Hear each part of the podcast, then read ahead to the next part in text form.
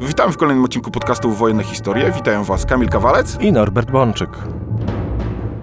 Druga wojna światowa była największym oraz najkrwawszym konfliktem w dziejach. Na bazie wielu lat własnych badań naukowych, wertowania tysięcy stron zarchiwizowanych meldunków wojskowych, wreszcie publikowania książek i artykułów, staramy się przybliżać szereg zagadnień związanych z tą okrutną wojną, a także obalać wiele mitów. Jeżeli podoba się Wam nasz podcast, możecie wesprzeć nas wpłatą w serwisie Patronate pod adresem patronate łamane na podcast Wojenne Historie. Albo kupić nam symboliczną kawę w serwisie Buy Coffee łamane na podcast Wojenne Historie. Norbert, zazwyczaj gdy rozmawiamy o niemieckiej broni pancernej, na pierwszy plan wychodzi Tygrys, Pantera, Ferdynand, różne tego typu sprzęty, które były mocno spektakularne. Natomiast bardzo rzadko pojawia się tutaj nawet w naszych rozmowach Sturmgeschütz. A przecież to był tak naprawdę koń roboczy Panzerwaffe, zwłaszcza pod koniec wojny. To był sprzęt, który zrobił niesamowitą karierę, jeżeli tak możemy mówić o jakimś e, sprzęcie. Zrobił niesamowitą karierę, no bo pod koniec wojny to był podstawowy sprzęt niemieckich sił pancernych. Wyprodukowano go więcej niż e, jakiegokolwiek typu czołgów. Porozmawiajmy o tym, jak to się stało, że zrobił tak oszałamiającą karierę podczas wojny, a jednocześnie jest tak zapomniany. Jest to pewna teza. Czy sztuki są zapomniane, czy nie? Zgodzę się, że one pozostają w cieniu. To znaczy, kiedy rzeczywiście, czy mówimy o Panzertruppen, czyli o niemieckich wojskach pancernych, czy o niemieckiej broni pancernej, czyli Panzerwaffe, to na plan pierwszy wysuwają nam się, tak jak wspomniałeś, tygrysy, pantery. Mało tego, kiedy ja napisałem ostatnio książkę Pantera Najgorszy Czołg, to postawiłem tam tezę, że produkcja Panther była błędem. Spotkałem się z takimi głosami krytycznymi, jakoby Niemcy nie mieli wyboru, to znaczy, że musieli iść w produkcję bardziej zaawansowanych technicznie czołgów, aby w ten sposób starać się zniwelować liczebną przewagę swych przeciwników. No, argument tyleż ciekawy, co zupełnie nieprawdziwy, dlatego że, tak jak właśnie powiedziałeś, w czasach tejże Pantery w 43, 44 czy w 45 roku, no bynajmniej Niemcy nie szli tą mityczną jakość swoich Panter, dlatego że takie czołgi jak Pantera czy Tygrys w latach 43-45 stanowiły jedynie 20% niemieckiej produkcji pancernej, podczas gdy 80% niemieckiej produkcji pancernej w tym okresie wojny stanowiły pojazdy o masie 20-25 ton. I to były przede wszystkim czołgi Panzer IV, różnego rodzaju pojazdy serii Panzerjäger, a przede wszystkim właśnie działa szturmowe Dlatego że to był kościec niemieckiej broni pancernej, nie wojsk pancernych nawet jako takich, nie Panzertruppen, ale kościec niemieckiej armii, Wehrmachtu, Heer wojsk lądowych w rozumieniu broni pancernej, gdyż duża część tych dział szturmowych szła nie do wojsk pancernych, tylko do artylerii, o czym za chwilę powiem. Natomiast to sztugi były tym najważniejszym, najliczniejszym pojazdem armii niemieckiej w roku 43 i w roku 44 jeszcze dołączyły różnego rodzaju pojazdy Panzerjäger. I tutaj statystyka jest bezwzględna dla tych kotów tak zwanych, tak? Nie tygrysy, nie pantery, tylko działa samobieżne, pancerne, w pełni opancerzone działa samobieżne, zwane działami szturmowymi, Sturmgeschützy. One były kośćcem niemieckiej e, obrony przeciwpancernej, czy szerzej niemieckiego potencjału pancernego w tym roku 44 czy w roku 45. Tym bardziej, że w roku 44 produkcja różnego rodzaju dział szturmowych i dział pancernych przewyższała w Rzeszy produkcję czołgów, tak więc nie Pantera ze swoją mityczną walką o lepszą jakość, tak, tylko właśnie Niemcy szli tak samo jak każdy inny, chcieli mieć jak najwięcej czołgów, jak najwięcej pojazdów pancernych i chcieli ich produkować jak najwięcej, tak, no tylko, że postępowali raz racjonalnie, a raz nieracjonalnie. Nieracjonalnie produkując Pantery, a racjonalnie produkując działa szturmowe. Skąd w takim razie w ogóle wziął się sztuk? Skąd ten pomysł? Jak to się stało, że on wyewoluował, że tak powiem, wygryzł pewnym sensie te koty, czy też inne niemieckie właśnie czołgi w stylu Panzer III, Panzer IV? To jest bardzo ciekawa historia, dlatego że można by powiedzieć, że działo szturmowe sztuk zaczynało jako coś innego, a kończyło jako coś innego, dlatego że w latach międzywojennych panował pewien spór w łonie armii niemieckiej, w wojskach lądowych, do czego należy wykorzystywać czołgi i co to w ogóle jest czołg. Przedwojenna definicja czołgu była raczej dosyć jasna. Czołg musiał być odporny na ogień ręcznej broni piechoty, musiał umieć pokonywać trudny teren pokryty na przykład lejami po pociskach, musiał mieć zdolność do pokonywania transzei okopów oraz y, miażdżenia zapór z drutu kolczastego. Ta definicja czołgu wywodzi się z I wojny światowej i sprowadza czołg do narzędzia wsparcia piechoty. To ma być pojazd opancerzony, który będzie wspierał piechotę w tym najściślejszym taktycznym natarciu przez pozycje polowe przeciwnika. No bo takie były doświadczenia I wojny światowej frontu zachodniego, tego najważniejszego i najbardziej zaawansowanego technicznie frontu I wojny światowej. W związku z czym no, w Niemczech również patrzono na czołg jako na pojazd wsparcia piechoty, przy czym to był pogląd głównie oficerów piechoty i artylerii, których można nazwać, że to była stara szkoła albo szkoła zachowawcza, konserwatyści. Na czele takich konserwatystów stał ówczesny szef sztabu generalnego generał Ludwik Beck. A jednocześnie wśród kawalerzystów i wśród oficerów wojsk motorowych i łączności istniała inna szkoła. To była tak zwana szkoła brytyjska, oni byli zapatrzeni na Fullera i oni uważali, że czołg musi być samodzielnym narzędziem walki i że równie ważne jak zdolność właśnie wsparcia piechoty na polu walki, musi być w czołgu możliwość samodzielnego jego użycia w głębi operacyjnej przeciwnika, w związku z czym czołg na przykład musi mieć bardzo dobre właściwości terenowe, mieć duży zasięg i, co kluczowe, posiadać łączność radiową. Więc były w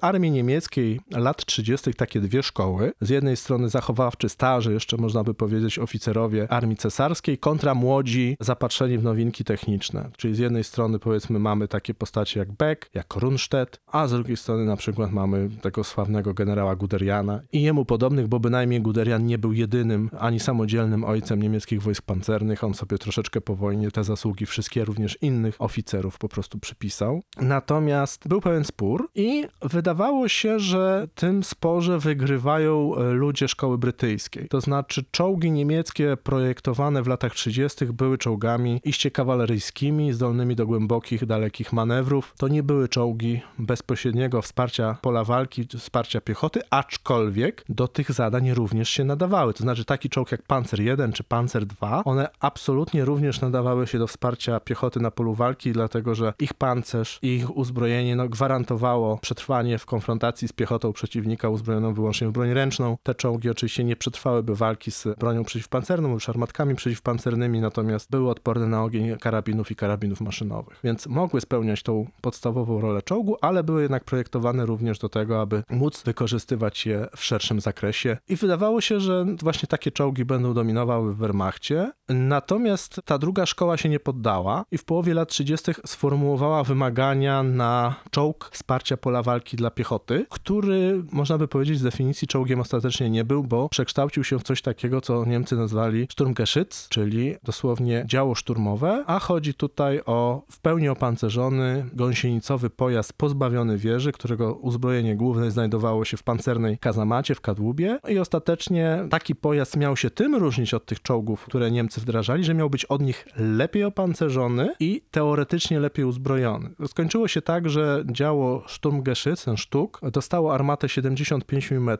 taką samą jak czołg Panzer 4, czyli miało pełnić tą samą funkcję co czołg Panzer 4 w jednostkach czołgów, czyli pojazd wsparcia pola walki uzbrojony w tą klasyczną 75 mm to był kaliber lekkich armat polowych wojsk lądowych, no więc taki pojazd wsparcia ogniowego. W oddziałach czołgów to pełniły właśnie rolę czołgi Panzer 4 na początku wojny, a działa Sturmgeschütz miały to samo wykonywać na rzecz piechoty w ramach baterii, które przydzielano na najważniejsze kierunki. Koncepcję działa szturmowego preferował m.in. późniejszy marszałek, a wcześniej generał Manstein, który jakby był jednym z prekursorów w połowie lat 30. koncepcji działa szturmowego, aby niezależnie od wojsk pancernych, które jakby łączyły w sobie cechy kawalerii i wojsk motorowych, no stworzyć działo szturmowe dla piechoty i przydzielić się bezpośrednio artylerii. Pierwsze prototypy powstały pod koniec lat 30. W 1939 roku wybuchła wojna. Niemcy nie mieli jeszcze w linii sztugów. Pierwsze baterie tego typu pojazdów wejdą do walki dopiero w kampanii francuskiej w maju 1940 roku. Natomiast no, tuż przed wybuchem wojny powstał pewien spór w e, wojskach lądowych, czym mają być działa szturmowe. Wojska pancerne jakby traktowały je jako rzecz nieistotną i chciały rozwijać przede wszystkim związki taktyczne broni połączonych, zmechanizowane pancerne. Uważały, że czołgi muszą działać w masie się jako związki taktyczne, które będą w stanie wywierać wpływ w wymiarze operacyjnym. Natomiast działa szturmowe były całkowicie tej idei operacyjnej zaprzeczeniem, dlatego że to było nawiązanie, można powiedzieć, do szkoły starej, do szkoły francuskiej, do pojazdów, które przydzielano piechocie i te pojazdy miały piechocie towarzyszyć i miały odgrywać rolę wyłącznie o charakterze taktycznym w ramach wsparcia na określonych, na głównych kierunkach walki, na przykład dywizji piechoty, które prowadzą działania zaczepne. A dlaczego w samej tej koncepcji działa pancernego na przykład zrezygnowano z wieży? Dlaczego nie stworzono czołgu po prostu dedykowanego wsparciu piechoty? Czy to wynikało z prostoty produkcji, czy inne czynniki odgrywały tu rolę?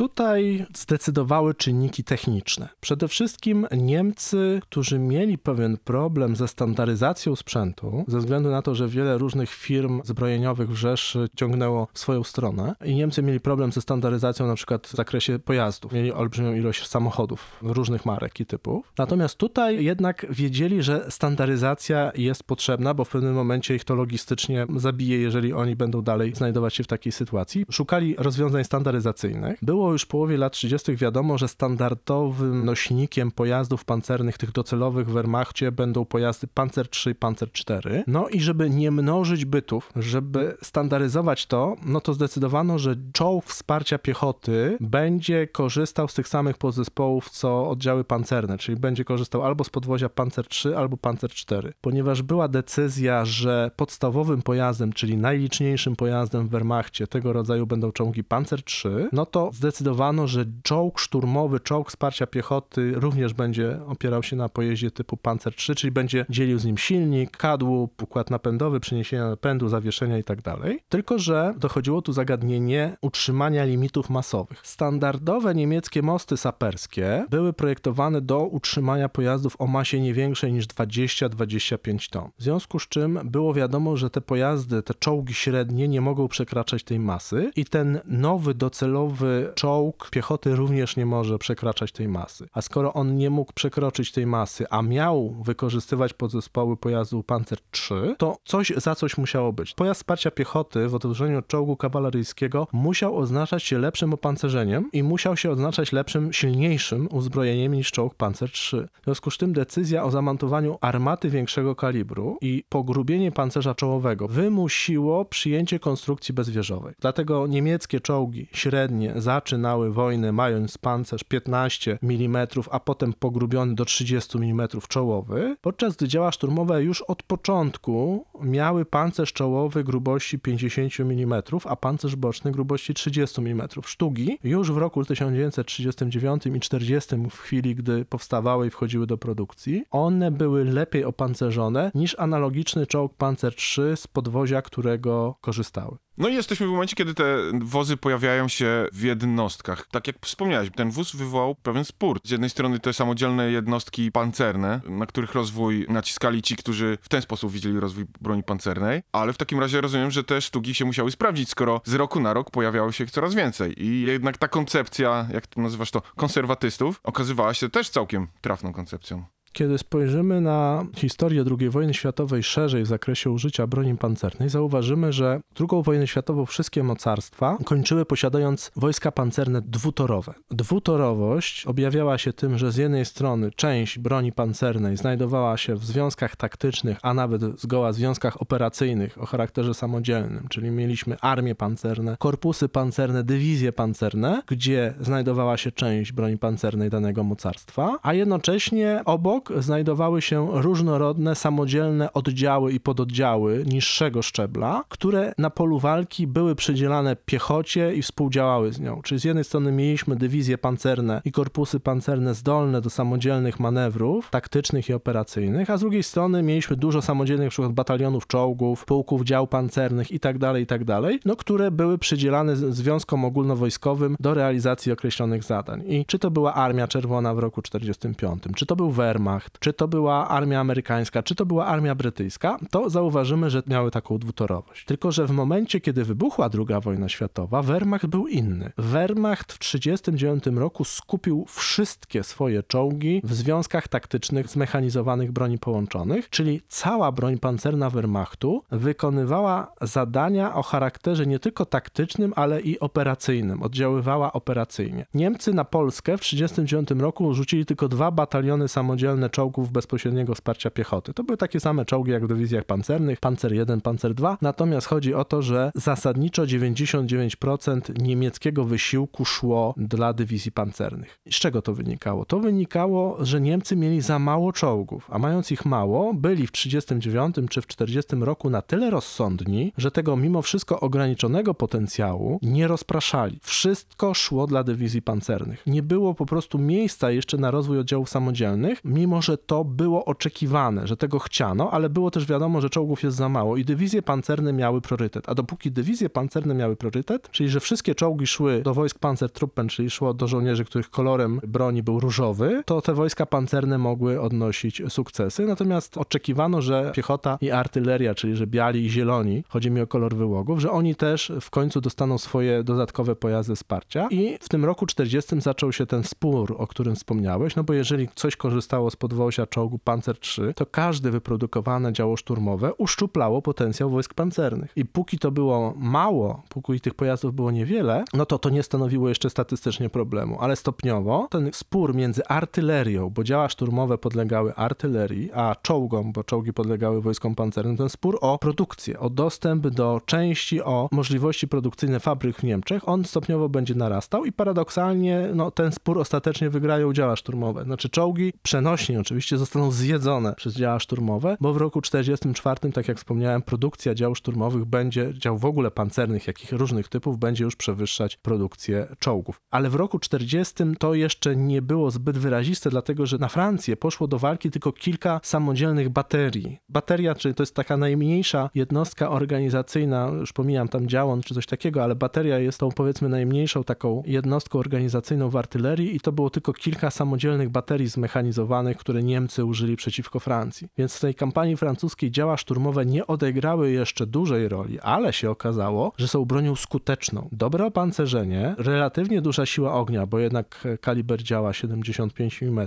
a do tego jeszcze bardzo dobre właściwości trakcyjne. Sztuk ważył niespełna 20 ton, więc był pojazdem relatywnie lekkim, dobrze sprawującym się na mostach pontonowych i tak dalej, ale jednocześnie dzięki temu, że korzystał z transmisji, silnika i tak dalej czołgu Panzer III i ważył tyle samo co czołg Panzer III, no to on był równie manewrowy, miał równie dobre zdolności e, trakcyjne jak te czołgi, w związku z czym niemalże w sposób idealny łączył w sobie ten balans manewru, siły ognia i opancerzenia znacznie lepiej niż czołgi niemieckie. I czy to właśnie to zapewniło sztugom sukces, nie tylko na polu walki, ale również w niemieckich fabrykach? Czy to sprawiło, że one, jak to mówiliśmy, wygryzły te czołgi? Nie do końca. To znaczy, było wiadomo, że artyleria szturmowa musi się rozwijać i ona się powolutku rozwijała, ale w tym 40 czy 41 roku jednak absolutny priorytet miała produkcja czołgów w Niemczech. I kiedy w roku 1941 w czerwcu Niemcy w ramach operacji Barbarossa runęli na Związek Radziecki, no to jednak oni przede wszystkim czołgi wtedy zgromadzili w tych 17 dywizjach pancernych. Każda dywizja miała wtedy jeszcze ponad 100 czołgów, niektóre jeszcze więcej. Działa szturmowe wówczas nadal były takim kopciuszkiem. Gdzieś stały w cieniu tych niemieckich wojsk pancernych, no bo tam zaangażowano 11 dywizjonów i 5 baterii dział szturmowych. Ale rzecz charakterystyczna, już w operacji Barbarossa obserwujemy użycie przez Niemców dywizjonów dział szturmowych. Wspomniałem, że w roku 40 były baterie. Taka bateria to miała na przykład 6 pojazdów, więc to był taki powiedzmy pancerny pluton, ale od jesieni 40 roku zaczęto formować nieco większe oddziały takich pojazdów, dywizjony. W 41 roku taki dywizjon mógł już nawet mieć 22 pojazdy. To już była taka, nazwijmy to przez analogię do czołgów, kompania pancerna, czyli takie samodzielne kompanie pancerne podlegające artylerii tych dział szturmowych w roku 41 wchodzą do walki, ale to wciąż nie jest dużo. One się sprawdzają na polu walki. Niemcom się one podobają, one są efektywne na polu walki, ale jednak czołgi mają absolutny priorytet. I w roku 41 i w roku 42 też. Przy czym w roku 42 obserwujemy wzrost produkcji dział szturmowych, ale on odbiera część wysiłku produkcyjnego produkcji podstawowego czołgu Wehrmachtu, czyli czołgu Panzer III, ale to jeszcze nie jest problem. Obserwujemy w 41-42 roku relatywnie dynamiczny rozwój jednostek dział szturmowych, powstaje kilkanaście dywizjonów, potem na przykład 22 pojazdy. Niemniej to nie jest jeszcze ten punkt zwrotny. Punkt zwrotny nadchodzi w styczniu 1943 roku. A co się wtedy wtedy wydarzyło? Tu zazębiło się kilka zdarzeń. Jednym z tych zdarzeń jest ta fundamentalna dla Niemców bardzo nieszczęśliwa decyzja o zaprzestaniu produkcji czołgu Panzer III i zastąpieniu go Panterą. W związku z czym zapada decyzja, że czołg Panzer III, ten podstawowy do tej pory pojazd pancerny Wehrmachtu, nie będzie dalej produkowany, no zastępujemy go Panterą. Tylko co zrobić z mocami produkcyjnymi, które do tej pory wykorzystywaliśmy? No bo to nie jest tak, że zakłady, które dotąd produkowały Panzer III, mogłyby tak sobie po prostu z marszu podjąć produkcję czołgów Panzer V Pantera, dlatego że Pantera wymagała innych maszyn i tak dalej, miała inną linię produkcyjną. Łatwiej było nawet uruchomić gdzieś nową linię produkcyjną niż w starej fabryce zmieniać jedną na drugą, bo to po prostu na wiele miesięcy oznaczałoby blokadę i bezczynność danej fabryki zbrojeniowej. Na taki rodzaj bezczynności czy marnotrawstwa nawet Niemcy, którzy byli w II wojnie światowej mistrzami marnotrawstwa, nawet oni się jednak nie zdecydowali, no to produkcja Panzer III była kontynuowana dalej. Tylko, że już nie jako czołgów, tylko, tylko i wyłącznie właśnie jako dział szturmowych. Bo przypomnę, układ transmisji, zawieszenie, silnik, kadłub, tak zwane podwozie, to wszystko w Panzer III i w Sztugu III było tożsame. W związku z czym zakończenie produkcji Panzer III pozwoliło na gwałtowny wzrost produkcji dział szturmowych. O ile w grudniu 1942 roku Niemcy wykonali w ciągu miesiąca wykonali 120 dział szturmowych Sztuk 3, wtedy już w sumie nazywanych w dokumentacji bardziej Sztuk 40 ze względu na zmianę uzbrojenia, o czym powiem za chwilę. Natomiast w marcu 1943 już wyprodukowali 200, a w maju 1943 roku wyprodukowali już 300 dział szturmowych. W związku z czym tylko między grudniem 42 a majem 43 w ciągu pół roku mówimy tu o wzroście produkcji o ponad 100%. To zawdzięczano między innymi temu, że no skoro nie produkowano już czołgów Panzer III, produkowano dalej sztuki. Oprócz decyzji o zaniechaniu produkcji Panzer III i zastąpienia im Panterą, to, że produkcja sztugów wzrosła gwałtownie wynikało jeszcze z dwóch innych przesłanek. Po pierwsze w roku 42 sztug został przezbrojony w nową armatę, czyli krótkolufową armatę Sturmkanone 37. Ona miała kaliber 75 mm, ale była krótka L24, tak jak w czołgach Panzer IV. Ona została wiosną 42 roku wymieniona na nową armatę na Sturmkanone 40, też kaliber 75 mm, długości w kalibrach L43 i to była armata, która miała charakter już uniwersalny. O ile wczesne wersje Sztuga były typowymi pojazdami wsparcia pola walki dla piechoty i były uzbrojone w polowe działo piechoty, właściwie pułkową armatę polową, to były pojazdami, które najlepiej nadawały się do niszczenia gniazd karabinów maszynowych, lekkich umocnień polowych, ostrzału obszarowego. To były takie typowe rzeczywiście pojazdy wsparcia pola walki dla piechoty, nie do walki z czołgami przeciwnika. Natomiast w 1942 roku wraz z przezbrojeniem w tą armatę Sturmkanone 40, długolufową kalibru 75 mm, ten pojazd zyskiwał na uniwersalności, przede wszystkim jako broń przeciwpancerna. I nagle działo szturmowe stawało się jednocześnie panzerjägerem, czyli mogło nadal wspierać piechotę w natarciu, ale równie dobrze mogło być wykorzystywane jako wóz przeciwpancerny, bo dostało armatę, która mogła zwalczyć każdy czołg przeciwnika na krótkich lub średnich dystansach. Ta zmiana spowodowała, że ta broń stała się jeszcze bardziej pożądana, bo już nie tylko mogła pełnić funkcję pojazdu wsparcia pola walki piechoty, ale również mogła pełnić funkcję pojazdu przeciwpancernego, a to w roku 1942 było dla Niemców bardzo ważnym zagadnieniem. Czyli chcesz powiedzieć, że tak troszkę może przez przypadek Niemcy dorobili się w końcu takiego uniwersalnego wozu pancernego? I czy oni sobie z tego zdawali sprawę? I tak i nie. Masz 100% racji. Niemcy się wreszcie rzeczywiście w roku 1942 dorobili troszeczkę uniwersalnego pojazdu bojowego, bo to był pojazd, który nadawał się poniekąd do wszystkiego. Mógł pełnić od tego momentu zarówno funkcję czołgu, jak i właśnie pojazdu wsparcia piechoty. To był pojazd średni, o masie nieco powyżej 20 ton. Stopniowo zwiększano mu opancerzenie. Ostatnie wersje sztugów miały pancerz czołowy 80 mm, boczny 50 mm, co było jak na standardy II wojny światowej wynikiem przeciętnym, ale poprawnym i posiadały uzbrojenie dobre do wsparcia piechoty i dobre do zwalczania czołgów przeciwnika. Ale z drugiej strony Niemcy nie docenili uniwersalności tego pojazdu w tym sensie, że właśnie szukali jakichś udziwnień w postaci panter i tak dalej, zamiast stwierdzić, że oto mamy tego sztuga i moglibyśmy go wykorzystać do wszystkiego, ale z początku Niemcy wciąż sztywno postrzegali sztugi właśnie jako sztugi, nie jako uniwersalne pojazdy pancerne, tylko jako sztugi. Zaczęli produkcję ich rozszerzać i rozszerzać, natomiast nie wyszli jeszcze w roku 42 czy 43 z tego sposobu myślenia, że to jest pojazd dedykowany jednak artylerii, a nie uniwersalne narzędzie walki. To jest ta różnica pomiędzy właśnie armią na przykład amerykańską czy armią czerwoną, gdzie zobaczymy, że do małych jednostek wsparcia piechoty można oczywiście przydzielać pojazdy dedykowane, jakieś działa pancerne, specjalnie do tego projektowane, o dużych kalibrach i tak dalej, ale równie dobrze w pułkach czołgów wsparcia pola walki piechoty czy kawalerii mogą być zwykłe czołgi, czy w batalionach samodzielnych armii amerykańskiej będą Shermany,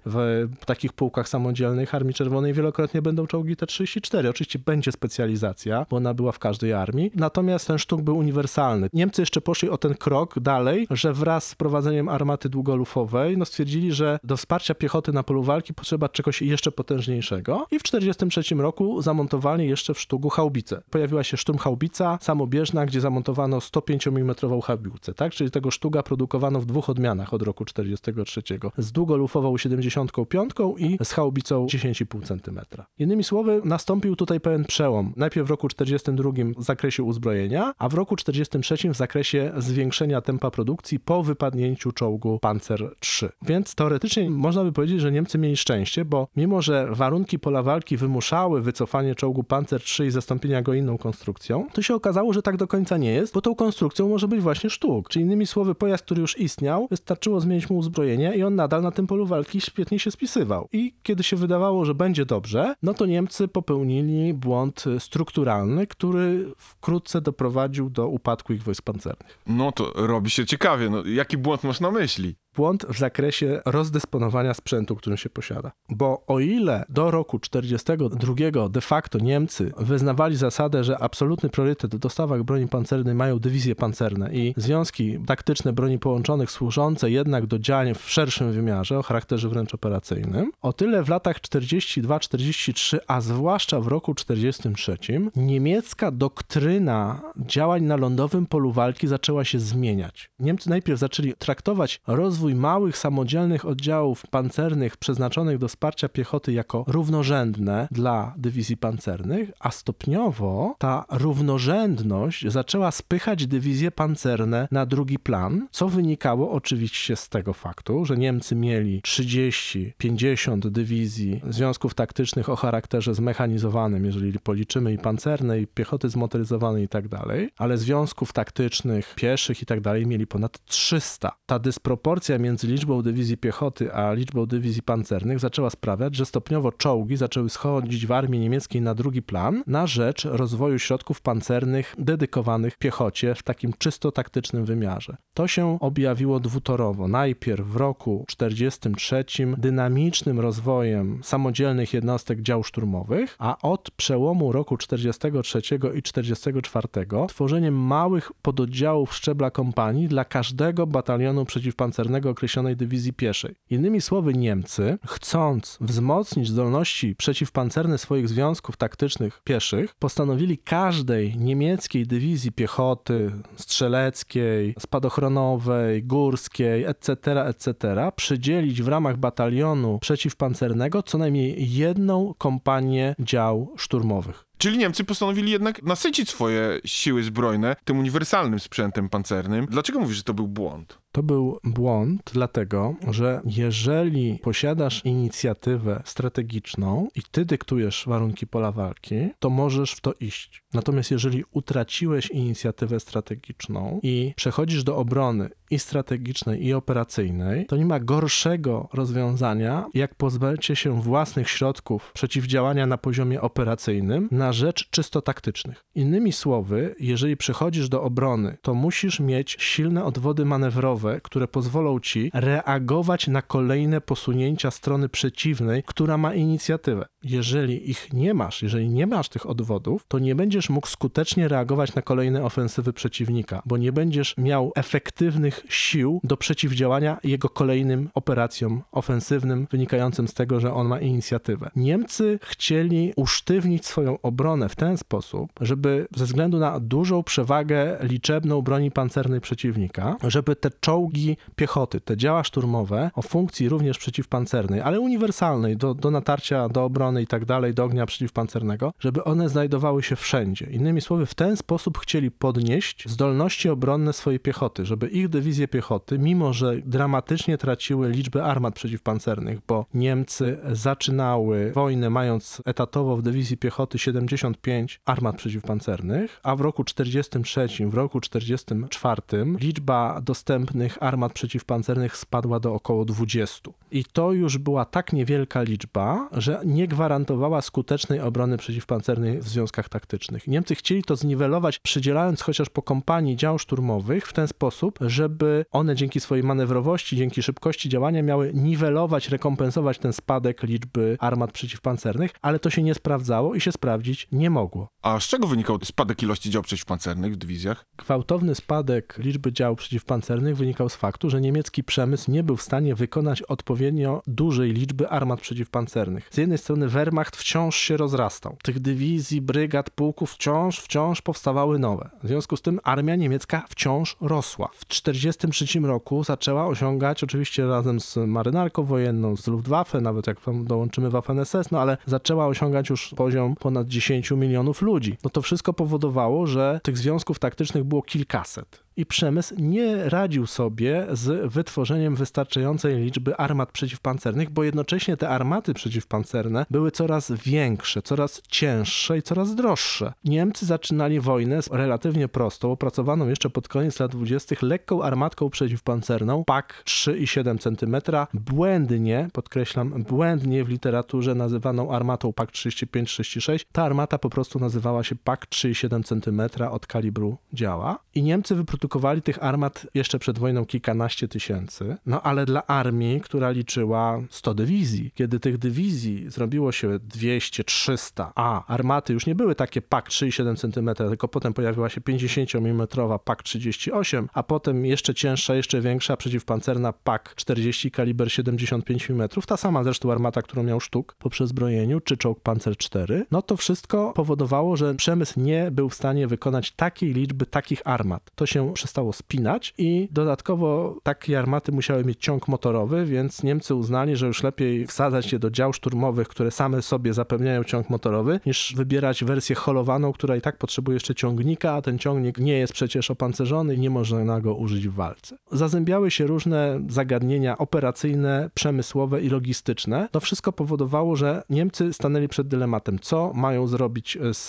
z, z tymi sztugami. Czy, tak jak powiedziałem, produkować je dla dywizji pancernych, czy produkować je dla piechoty i dla artylerii, tak jak to było wcześniej. I oni nadal produkowali je dla piechoty i dla artylerii, a nie dla dywizji pancernych. Zabrali moce produkcyjne wojskom pancernym i dali te moce produkcyjne artylerii zabrali podstawowy, najliczniej produkowany czołg, Panzer III i przekazali go artylerzystom jako działa szturmowe, tylko nie komasowano je w dywizjach pancernych, tylko rozproszono na dosłownie setki pododdziałów różnego typu. I ten trend się nasilał, bo tak jak powiedziałem, w 40 roku Niemcy stworzyli pierwsze baterie dział szturmowych. Jesienią 40 roku stworzyli pierwsze dywizjony. Te dywizjony dział szturmowych miały mniej więcej po 22 pojazdy, a potem po 31 pojazdów. To były samodzielne samodzielne pododdziały pancerne, które możemy określić jako takie małe bataliony. Te dywizjony dział szturmowych, ich było stopniowo coraz więcej. W roku 43, w roku 44 to już było ponad 30 tego rodzaju formacji, więc ich wzrost był bardzo dynamiczny. Na początku roku 44,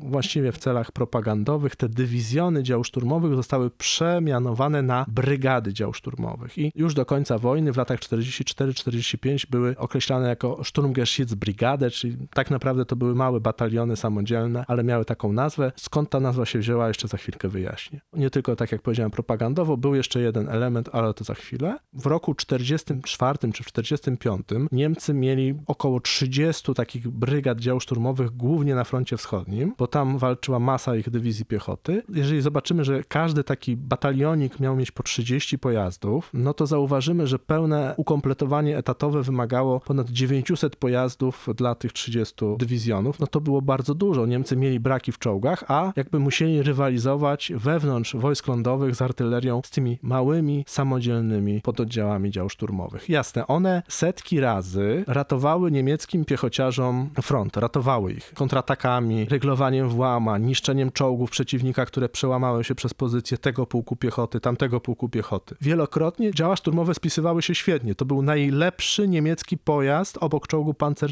III w czasie II wojny światowej. A dlaczego był najlepszy? Bo po pierwsze był najmniej awaryjny, najlepiej poznany przez załogi i niezwykle skuteczny na polu walki. W latach zwłaszcza 43-45 załogi dział szturmowych na froncie wschodnim zapisały na swoje konto tysiące czołgów przeciwnika. To były świetne pojazdy w relacji koszt-efekt. Niemcy cenili sobie bardzo swoje działa szturmowe, no bo tak jak powiedziałem, to nie były pantery, które odznaczały się bardzo poważną awaryjnością, czy należało bardzo uważać, jak się nimi jeździło, żeby nie przekraczać mocy silnika, nie manewrować zbyt energicznie. Sztuk wybaczał wiele, był żwawy, był energiczny, jeździł dobrze, nie psuł się. Natomiast to był pojazd, który trafiał w pierwszej kolejności, tak jak powiedziałem, do tych dywizji piechoty, do tych brygad dział szturmowych, a nie trafiał do dywizji pancernych. I było czasami tak, jeżeli dywizja piechoty została zaatakowana przez wrogą brygadę pancerną, to te sztuki z dywizjonu dział szturmowych rzucane na pomoc takiej dywizji piechoty mogły pomóc i zaryglować włamanie. Ale jeżeli Rosjanie skomasowali większe siły pancerne, jeżeli zaatakował korpus, to nie było już takiej możliwości,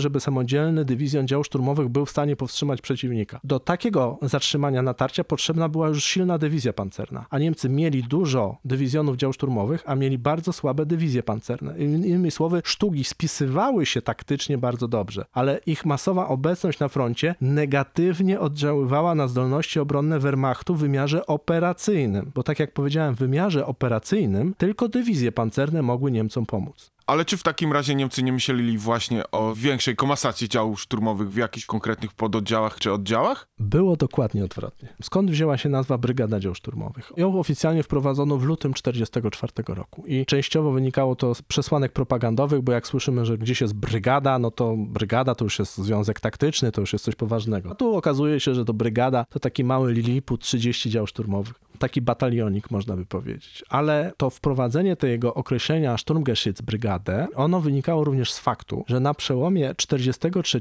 i 44 roku Niemcy już zupełnie zaczęli rozpraszać swój potencjał pancerny. I tak jak powiedziałem, zaczęli przydzielać właśnie wówczas działa szturmowe do wszystkich swoich dywizji piechoty a w ramach tych dywizji piechoty znajdowały się ich bataliony przeciwpancerne w niemieckiej nomenklaturze Panzerjäger Abteilung. W ramach tychże batalionów przeciwpancernych były stopniowo wdrażane kompanie dział szturmowych, które nazywano Sturmgeschütz Abteilung. Bo Abteilung w niemieckiej nomenklaturze wojskowej to jest słowo klucz. Może znaczyć oddział, może znaczyć kompania, chociaż oczywiście słowo kompania w armii niemieckiej też występuje, ale batalion może znaczyć bardziej nawet niż kompania. To jest takie słowo klucz, oddział. Jeżeli w dywizjach piechoty były kompanie przeciwpancerne, które miały określenie Sturmgeschütz Abteilung, no to te wyższe do tej pory dywizjony dział szturmowych, które też się tak nazywały, zaczęto nazywać brygadami, żeby odróżniać jedne od drugich. Jak masz kilkaset dywizji i do każdej chcesz mieć kompanię działów szturmowych, no to jeszcze bardziej zaczynasz rozpraszać potencjał i to powoduje, że zaczyna się tworzyć pewna spirala w ten sposób, że Niemcy stwierdzili, że to, że zabraliśmy wojskom pancernym produkcję Panzer III i całkowicie przekierowaliśmy ją na sztuki dla piechoty i artylerii, to jeszcze jest za mało. Ja tutaj podam taką statystykę. Pod koniec marca 1943 roku Niemcy mieli na froncie wschodnim ponad 500 dział szturmowych, ale na koniec roku, na 1 stycznia 1944 roku, oni mieli na froncie wschodnim już 1500 dział szturmowych. Czyli trzykrotnie zwiększyli swój potencjał w działach szturmowych na froncie wschodnim kosztem w tym samym czasie dywizji pancernych. To znaczy rok 43, zwłaszcza po klęsce pod Kurskiem, to jest czas, kiedy dywizje pancerne praktycznie nie mają czołgów, a jednocześnie w tym samym czasie następuje dynamiczny, olbrzymi rozrost niemieckiej artylerii szturmowej. Właśnie ze względu na te zawiłości z produkcją Panzer III. I mamy tak, że w momencie jak Niemcy poszli do bitwy pod Kurskiem, to jeszcze przeważały czołgi w dywizjach pancernych, ale jak tylko ponieśli klęskę w bitwie pod Kurskiem, to od jesieni 43 roku więcej było na froncie wschodnim sprawnych dział szturmowych w dywizjonach dział szturmowych niż czołgów w pułkach pancernych. Role się zupełnie odwróciły i w tym momencie Wehrmacht zaczął wyglądać jak armia francuska w roku 40.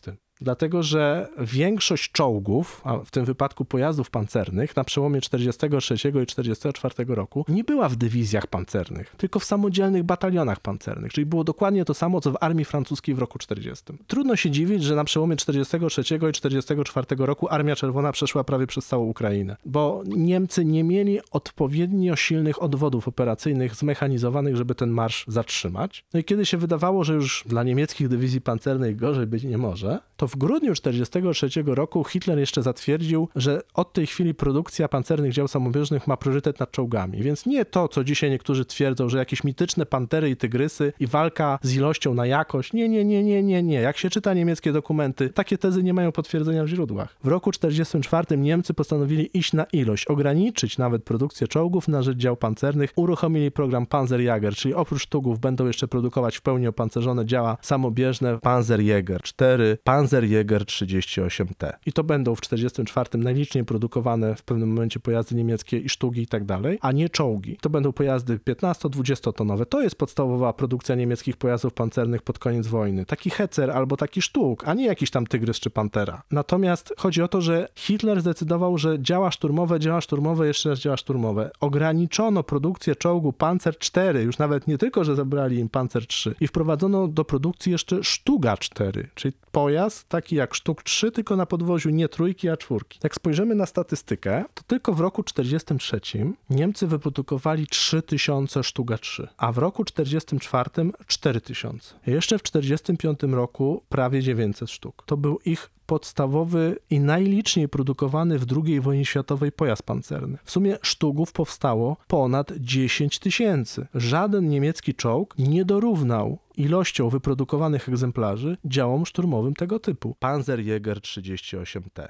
A do tego jeszcze należy właśnie doliczyć ponad 1100 sztugów 4, program Panzerjäger 4, 2000 pojazdów, czy Hecerów, który produkowano prawie 3000. Na tle takich liczb, no to produkcja nie tylko Tygrysa, ale i Pantery wypada lekko blado. To w takim razie wyjaśnij mi tą zagadkę. Dlaczego jest tak, że ten sztuk w tej narracji o niemieckiej broni pancernej w II wojnie światowej jest pomijany, jest jakby właśnie w tym cieniu, tak jak mówi tytuł naszego odcinka. Co jest tego przyczyną? To jest dobre pytanie, bo jak interesujesz się armią niemiecką II wojny światowej, to jednak ten sztuk wybija. On przykrywa te wszystkie tygrysy i pantery, no bo sztuki są prawie wszędzie. Bo jest w pewnym momencie tak, że w tej Europie, jak walczy o wojska niemieckie, to prawdopodobieństwo spotkania sztuga względem prawdopodobieństwa spotkania tygrysa na polu walki wynosi jak 10 do 1. Czyli w jednym epizodzie będziesz miał tygrysa na polu walki, a w 10 epizodach będziesz miał sztuga. Tylko, że no sztuk, no ja to zawsze porównuję do różnej opowieści o zwierzętach, o różnych gatunkach zwierząt, że często mamy dużo filmów dokumentalnych, przyrodniczych o tygrysach, o rekinach, o jakichś krokodylach, no znacznie mniej, nie wiem, o zającach, czy nawet o bawołach. Chodzi o to, że te zwierzęta, których jest więcej, ale które nie odznaczają się na pierwszy rzut oka niczym nadzwyczajnym, nie przyciągają takiej uwagi publiki, jakie te rzadsze, pozornie bardziej ekstremalne. Ciężko to ocenić. Sztuki były rozproszone. One ostatecznie trafiły do dywizji pancernych, dlatego że Niemcy w pewnym momencie zdali sobie sprawę, że jest już tak źle, że coś trzeba z tym zrobić. W roku 43-44 te sztuki ostatecznie, ale w bardzo ograniczonym zakresie do dywizji pancernych zaczynają trafiać. W bardzo ograniczonym, dlatego że jednak obowiązują priorytety, a priorytetem jest sztuki do dywizji piechoty, sztuki do brygad dział szturmowych, a nie do dywizji pancernych. Więc już pod Kurskiem będziemy obserwować pododdziały dział szturmowych w ramach na przykład dywizji Waffen-SS. Potem od roku 44